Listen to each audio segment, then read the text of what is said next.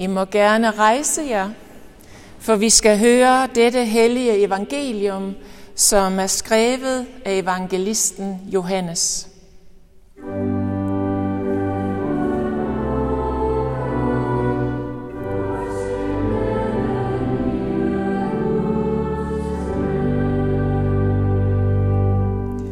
Den tredje dag var der bryllup i Kana i Galilea, og der var Jesu mor med.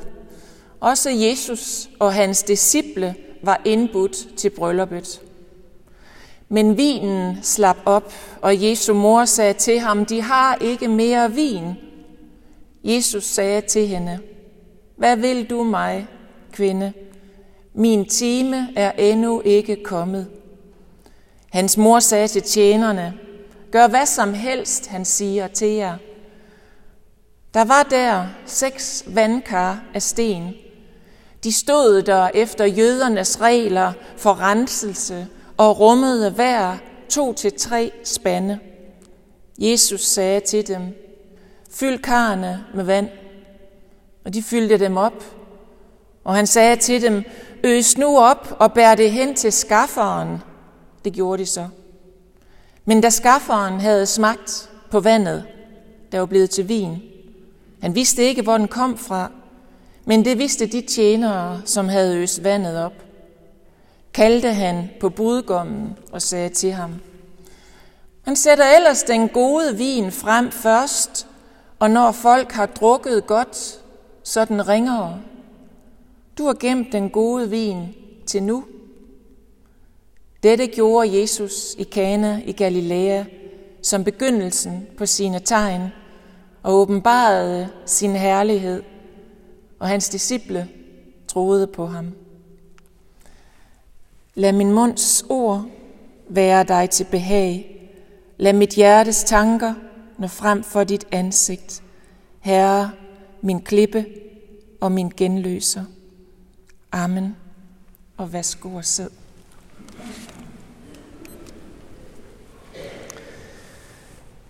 Så hvis man nu spurgte Jesus, hvad vil du med dit liv? Hvad er meningen med dit liv?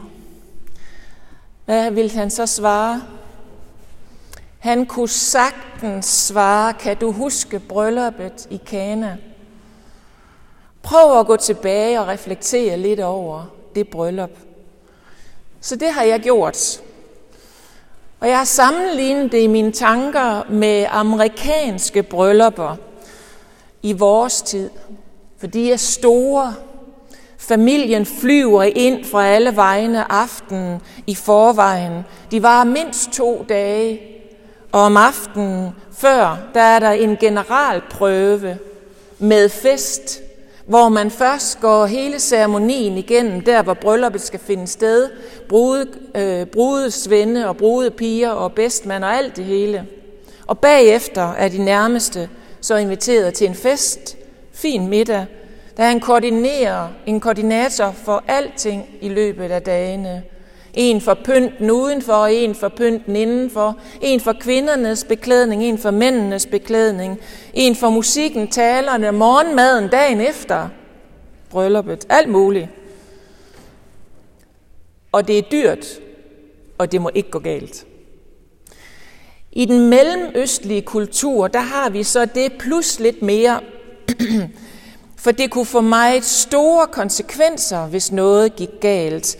Vi har faktisk evidens for, at hvis det var sådan, at brudens familie følte sig stødt på deres ære og på deres stolthed, det var jo brudgommens familie, der betalte, så kunne de lægge sag an imod brudgommens familie.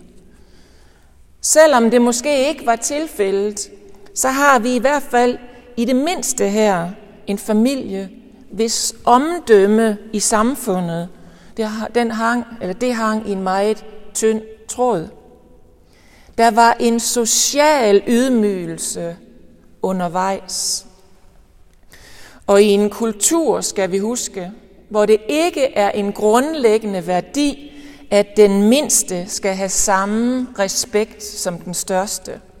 Der var meget på spil.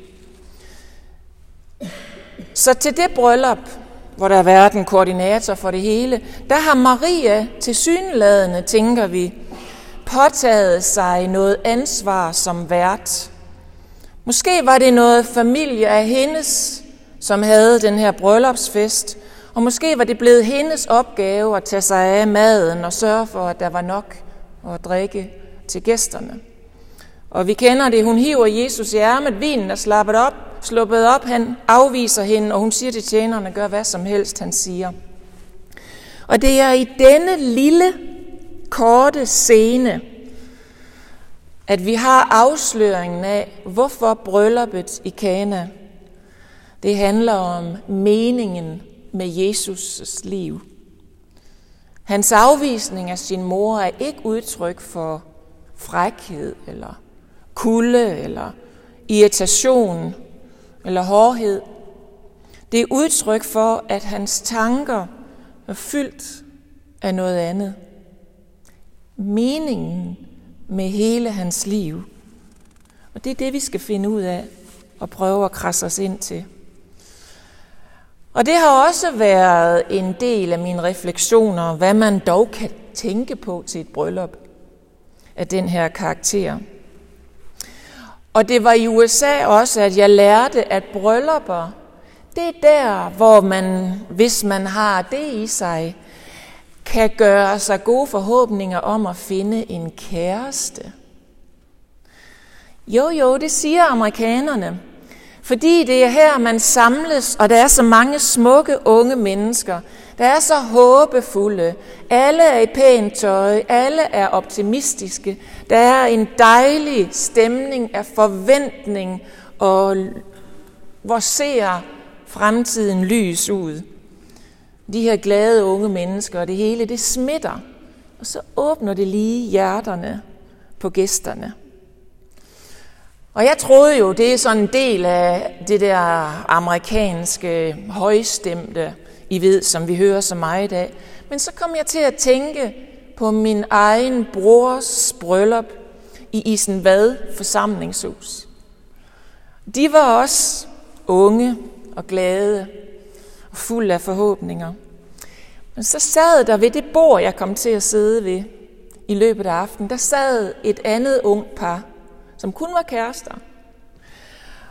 Og jeg husker scenen, fordi jeg synes måske, det var lidt upassende. Jeg kunne høre, hvad de snakkede om, og vi faldt i snak over det. Og det, de sad og snakkede om, det var deres eget bryllup. De sad simpelthen og planlagde deres eget bryllup, at nu, nu ville de giftes. Og jeg tænkte, der er fest, og I sidder og planlægger noget. Men øh, det gjorde de. Så det kan også ske i sådan hvad. Og nu ser vi, at det også sker i Kana.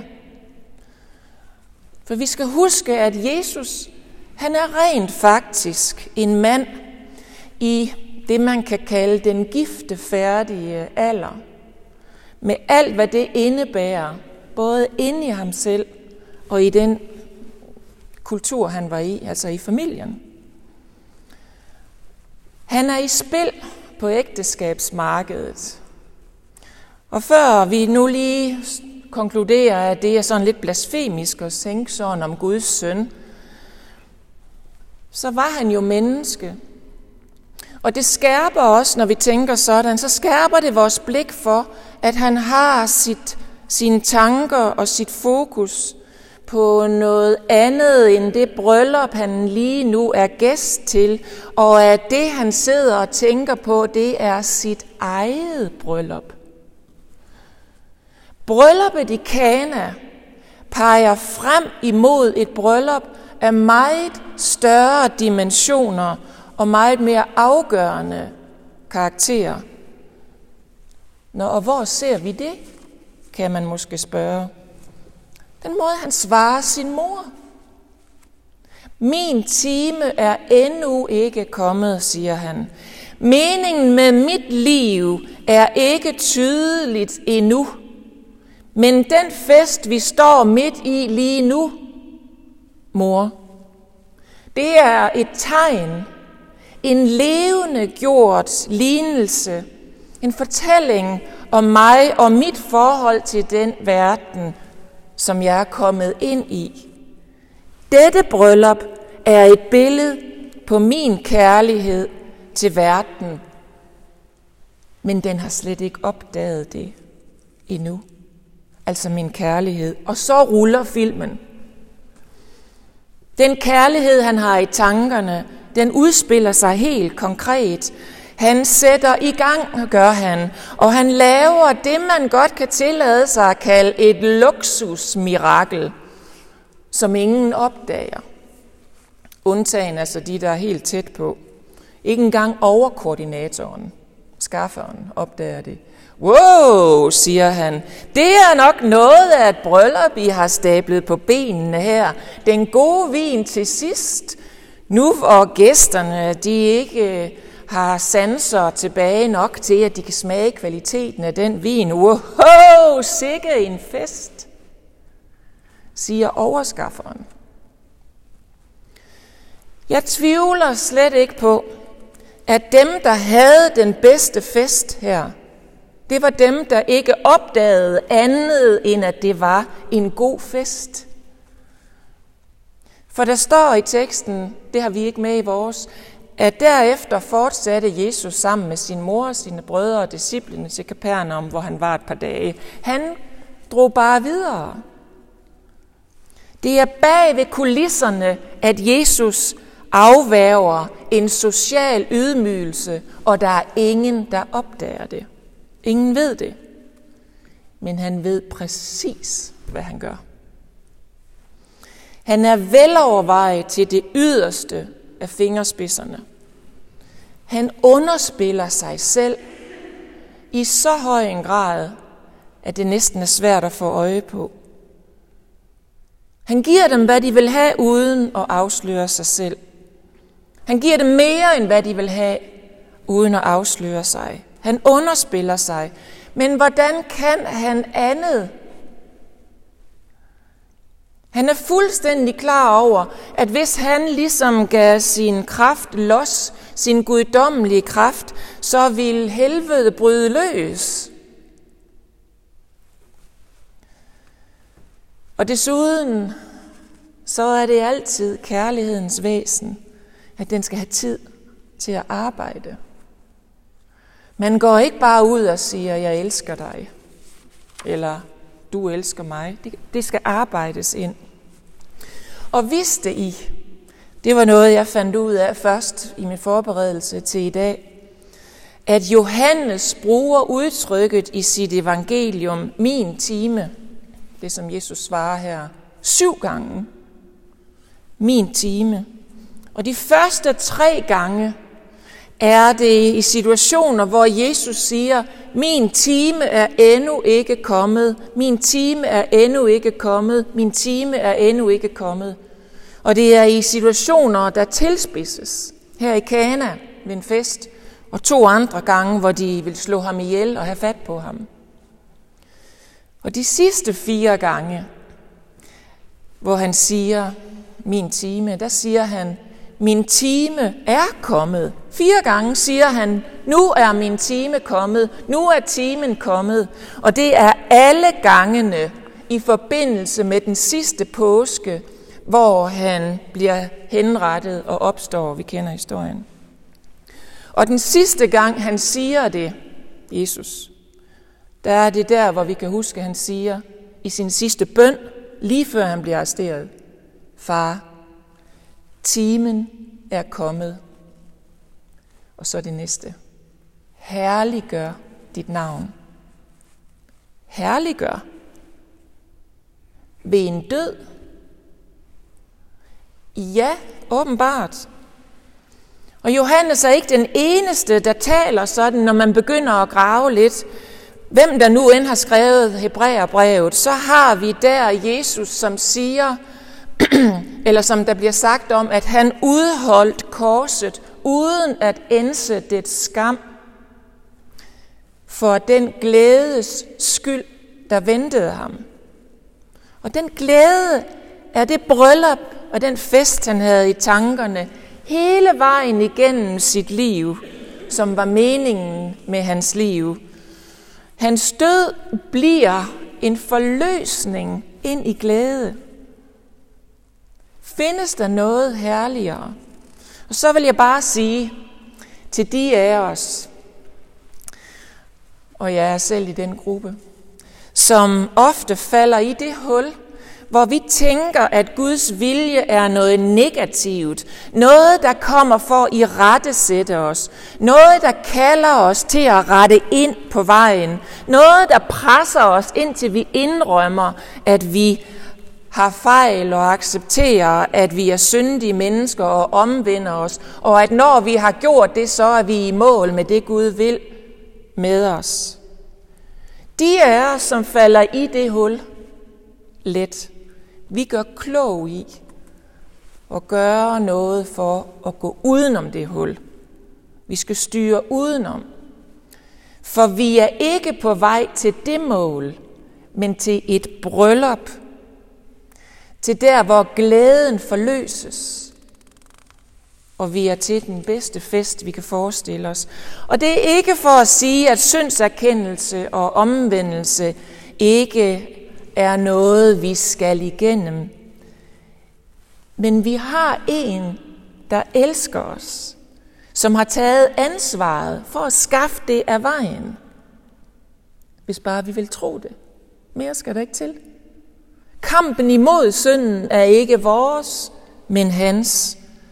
Og når vi ser det, der letter byrden. Og der ser vi, at vi er på vej til noget større. En forløsende fuldbyrdelse, tør jeg næsten sige, af den kærlighed, som er hans til os. Guds til os, og som er uden ende. Det er, hvad et bryllup er. En kulmination på en kærlighed. En forløsende ting. En kærlighed, som er det bedste og festligste og glædeligste ved et bryllup i den her verden. Det er kun et billede på den kærlighed, der venter, og det bryllup, der venter. Og vi har desværre ikke tid, for nu skal vi mod enden af, vores, af min prædiken her. Vi har desværre ikke tid til at kigge på alle de steder i Bibelen, som taler om bryllupper.